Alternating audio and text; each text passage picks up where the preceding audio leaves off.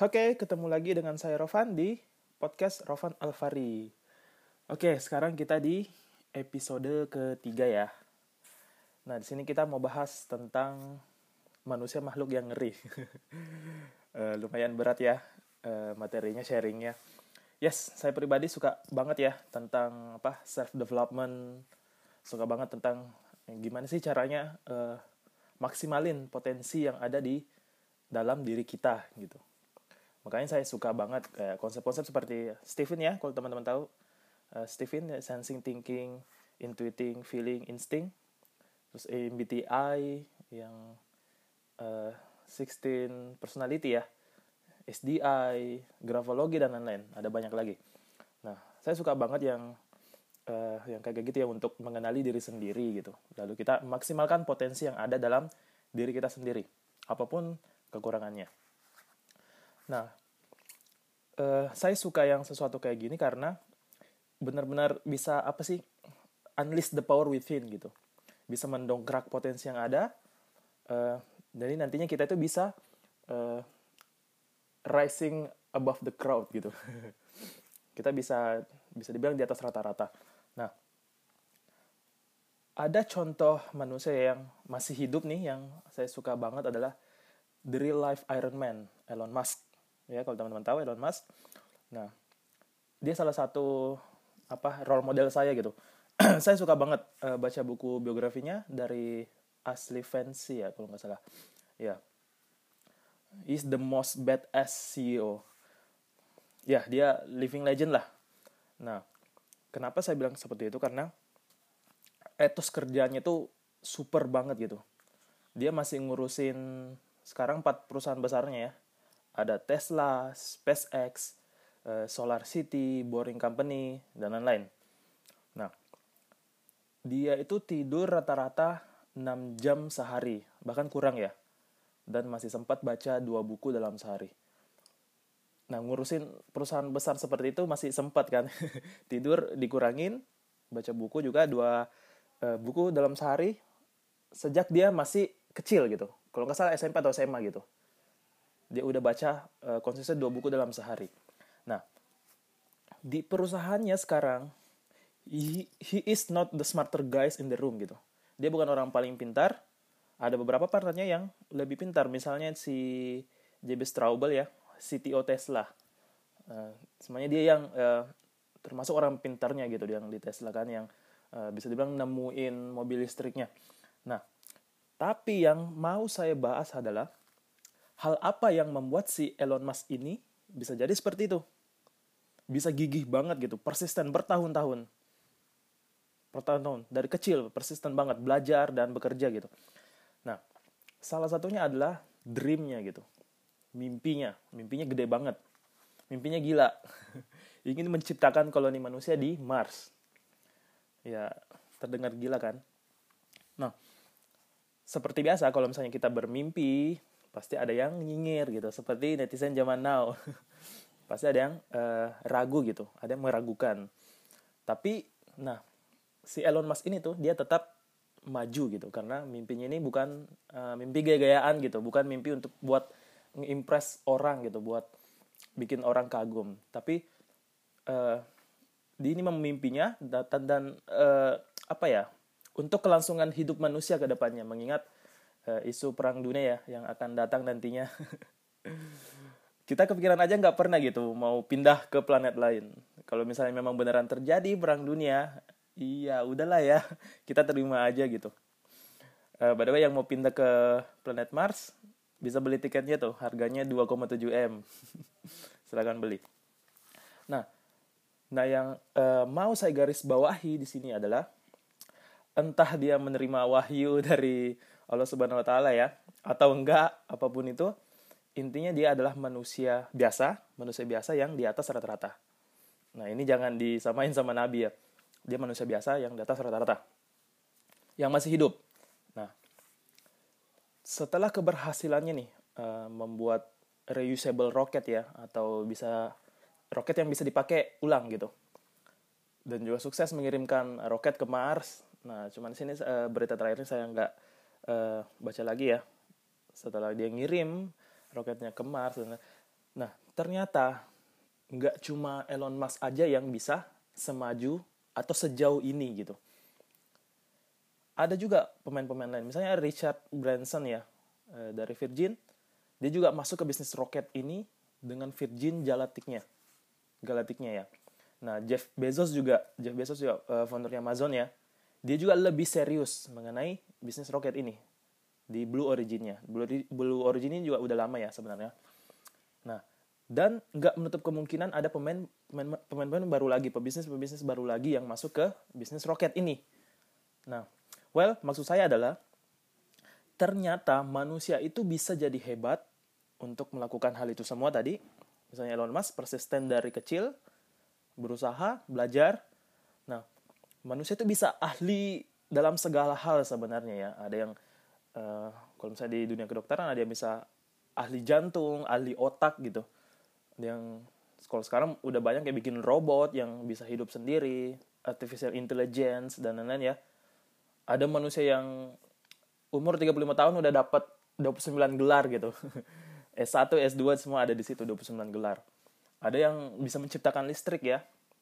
Ada yang bisa menciptakan listrik, ada yang bisa menciptakan handphone yang teman-teman pakai sekarang gitu. Dan manusia semua bisa menciptakan itu semua karena memang manusia itu sebenarnya hebat gitu. Nah, manusia itu memang uh, apa ya bisa ngelakuin semua itu, bisa hebat. Nah, apalagi kalau sudah ada contoh yang sebelumnya sudah berhasil. Nah, harusnya lebih mudah. Nah, ini yang saya pengen uh, tekankan. Jadi kalau misalnya teman-teman uh, punya mimpi sebenarnya ya, punya mimpi, let's say mimpinya gini aja. Saya ingin uh, ke Bali misalnya, belum pernah ke Bali kan misalnya. Nah, kalau misalnya sebelumnya ada orang yang pernah ke Bali, nah harusnya itu lebih mudah. Nah, kalau misalnya mimpinya teman-teman misalnya, saya mau tinggal di Pluto gitu misalnya, di planet Pluto. Nah, mungkin agak berat karena mungkin sebelumnya belum pernah saya nggak tahu udah ada belum udah ada belum yang pernah tinggal di Pluto. Nah, tapi kalau misalnya belum ada, nah itu uh, agak rumit mungkin agak susah gitu karena memang kita harus nyari sendiri jalannya gimana caranya ke sana gitu, terbang ke sana, hidup ke sana hidup di sana, bikin rumah di sana misalnya kan. Nah, itu harusnya lebih berat. Nah, tapi kalau mimpinya teman-teman uh, udah ada sebelumnya yang pernah mencapai, harusnya itu lebih mudah gitu. Harusnya itu lebih mudah. Nah, intinya adalah if they can do it, you can do it too, man. Jadi uh, kalau misalnya ada yang pernah ngelakuin, ya teman-teman juga harusnya bisa ngelakuin. Begitu juga halnya dengan hal income gitu. Jika ada orang yang bisa misalnya mendapatkan income 1 juta per hari gitu 10 juta per hari 100 juta bahkan 1 M per hari gitu harusnya uh, kamu juga bisa teman-teman juga bisa. Nah ini cuman caranya aja yang belum kita ketahui gitu. Nah ini ya yang kita cari tahu kita belajar gitu. Kita belajar dari eh, SD SMP SMA sampai kuliah gitu untuk semuanya cari tahu jalannya untuk mencapai tujuan kita nah Dan di sini juga ada saya kutip ya potongan ayat dari surah Atin uh, mana ini ya. Sesungguhnya kami telah menciptakan manusia dalam bentuk yang sebaik-baiknya. Nah, ada juga di uh, surah Al-Isra ya. Kami lebihkan mereka dengan kelebihan yang sempurna atas kebanyakan makhluk yang telah kami ciptakan. Nah, ini sudah jelas uh, banget ya. Udah sangat jelas sekali gitu. Manusia itu sebenarnya sempurna, bisa ngelakuin apa pun, bisa mencapai apa pun sebenarnya. Jadi jangan lagi pernah bilang, ah Tuhan gak adil gitu. Biasanya kan gitu kalau nasibnya lagi jelek. Ah Tuhan gak adil, nasib saya jelek banget. Ah saya kurang beruntung nih dan lain-lain gitu. Nah, oke okay, kalau memang misalnya kamu terlahir miskin, oke okay, itu bukan salahmu. Tapi kalau misalnya kamu mati miskin, di air hidupmu miskin, nah berarti itu 100% salahmu gitu. Itu 100% salahmu. Nah, di sini kita harus uh, berusaha selama kita masih hidup gitu. Nah, ini bukan hal syukur nggak syukur ya sebenarnya ya. Terkadang kan kalau kita ngomong kayak gini, mimpi kita uh, gede misalnya hal income aja, mimpi kita pengennya misalnya 100 juta per hari gitu. Ada aja kan orang yang ngomong, wah ini emang gak ada syukurnya ini ada eh, nggak uh, ada nggak nggak tahu dikasih untung atau apa pun itu. Nah, sebenarnya ini bukan hal syukur dan nggak syukur juga ya. Maksudnya ini tentang uh, apa ya tentang seberapa besar ikhtiarmu gitu loh berusahamu itu seberapa besar seberapa gigih nah justru orang-orang sebenarnya yang nggak mensyukuri itu adalah orang-orang yang tidak memaksimalkan kesempurnaan yang telah diberikan gitu tadi uh, saya sudah jelaskan kita sebenarnya udah jelas kita diciptakan itu uh, sempurna gitu sebenarnya bisa ngelakuin apa pun gitu. Seperti saya tadi saya kasih contoh misalnya kayak Elon Musk pengen uh, bikin koloni manusia di Mars sana gitu kan. Nah sebenarnya manusia itu bisa. Nah cuman kita tuh kadang banyak excuse gitu banyak alasan segala macam. Nah oke? Okay. terus uh, kebanyakan juga kita misalnya punya mimpi cuman hidup kita kayak leha-leha aja gitu santai-santai aja. Misalnya main Instagram scroll terus berjam-jam misalnya.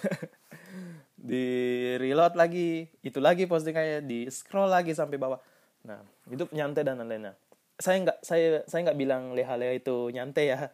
E, apa hal yang salah gitu. Leha-leha nyantai scroll Instagram itu hal yang salah. Bukan saya nggak bilang itu hal yang salah. Cuman ini tergantung mindsetmu gitu. Kalau misalnya kamu punya goal kamu punya mimpi ya kamu harus uh, kerja gitu. Kamu harus uh, cari tahu gimana caranya buat mencapai goal ini. Nah ini jadi tergantung point of view gitu. Karena kalau misalnya kita uh, nyalahin suatu kegiatan biasanya sih jadi ada pro kontra.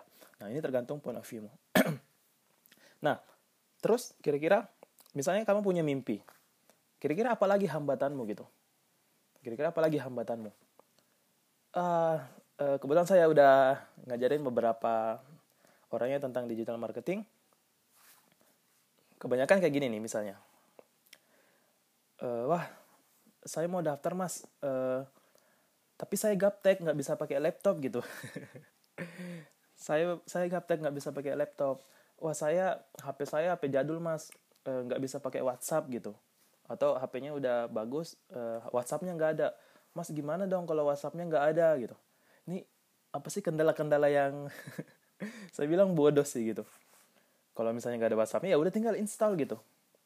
Kalau nggak bisa pakai laptop ya di, langsung laptopnya dibuka dinyalain coba dipakai gitu. Ada juga yang saya tidak bisa bahasa Inggris. Wah sus, uh, susah mas ininya. Wah ini uh, yang tadi ya bahasa Inggris. Ini terlalu banyak yang mesti diklik dan lain-lain nah semua ini kendala-kendala yang uh, saya bilang ya yang tadi bodoh ya. Padahal anak kecil aja sekarang tuh anak-anak um, umur-umur lima tahun udah bisa uh, jalanin gadget segala macam. Dan saya rasa ini bukan hal yang sulit. Ini masalah hal mau nggak mau aja gitu. Dan ini yang saya bilang tadi nggak mensyukuri sebenarnya kesempurnaan yang ada dalam diri kita gitu kan. Sebenarnya kita bisa ngelakuin semua itu. Uh, kemudian saya juga kadang bingung sih lihat orang kayak gini gitu terlalu banyak apa mental block gitu. Terlalu banyak excuse gitu. Belum belum ngelakuin aja udah uh, mundur seribu langkah gitu. Padahal belum dijalanin. Nah nah orang-orang hebat di luar sana itu bahkan ngejalanin dulu gitu. Mentok dulu baru belajar. Bahkan sampai kayak gitu. Ngorbanin waktu ngorbanin uang untuk belajar. Sedangkan kita kadang ada pelajaran-pelajaran yang free yang gratis. Kita bahkan nggak mau gitu Nah, kalau misalnya teman-teman tahu yang namanya Parkinson Law ya, Parkinson Law itu ini bukan penyakit ya.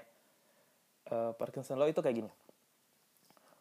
Misalnya rata-rata kita diberi tugas uh, kuliah yang kuliah ya. Misalnya kita diberi tugas kuliah selama satu minggu biasanya. Nah, jika kita benar-benar mengerjakan, sebenarnya tugas tersebut itu bisa selesai dalam waktu kurang dari sehari. Nah, ini yang sistem kebut semalam nih. Misalnya kita dikasih tugas seminggu kita nggak ngerjain. Uh, pas besoknya mau dikumpul baru malam ini dikerjain. Dan ternyata beres gitu kan. Dan ternyata uh, beres. Kurang dari sehari.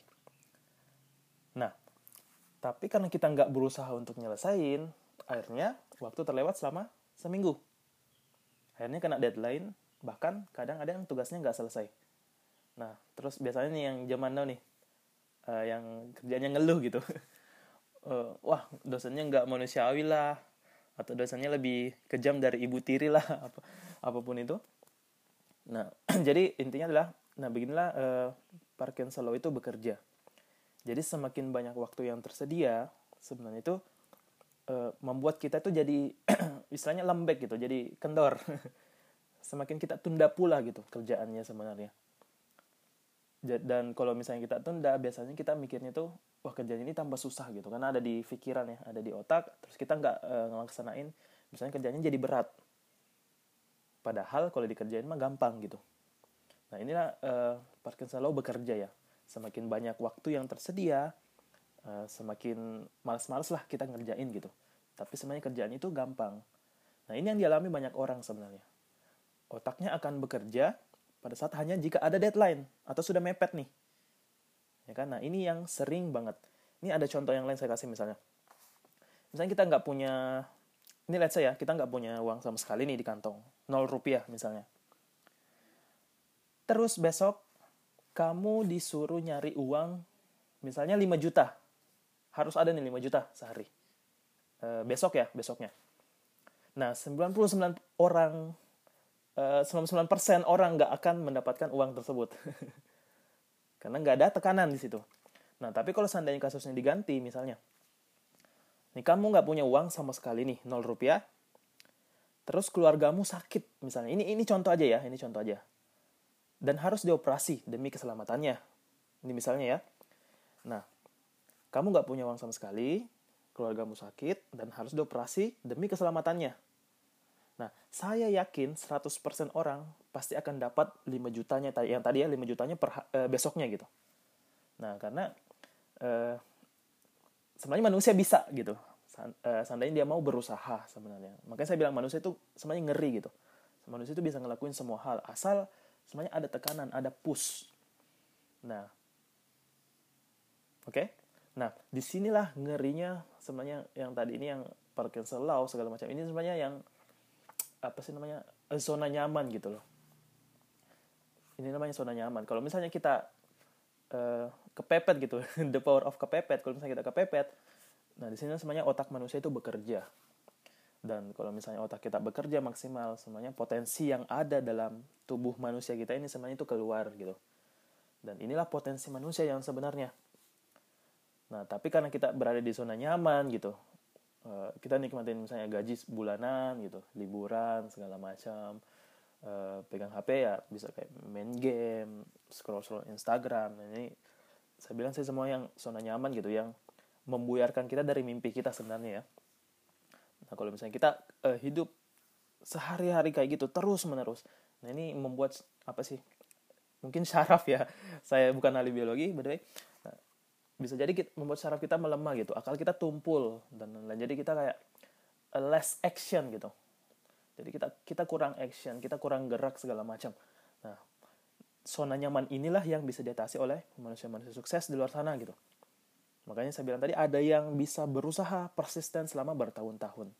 Misalnya Elon Musk dan lain-lain. Ada banyak banget contoh gitu. Teman-teman bisa cek 100 orang terkaya di dunia misalnya. Itu gila-gilaan banget actionnya gila-gilaan banget belajarnya.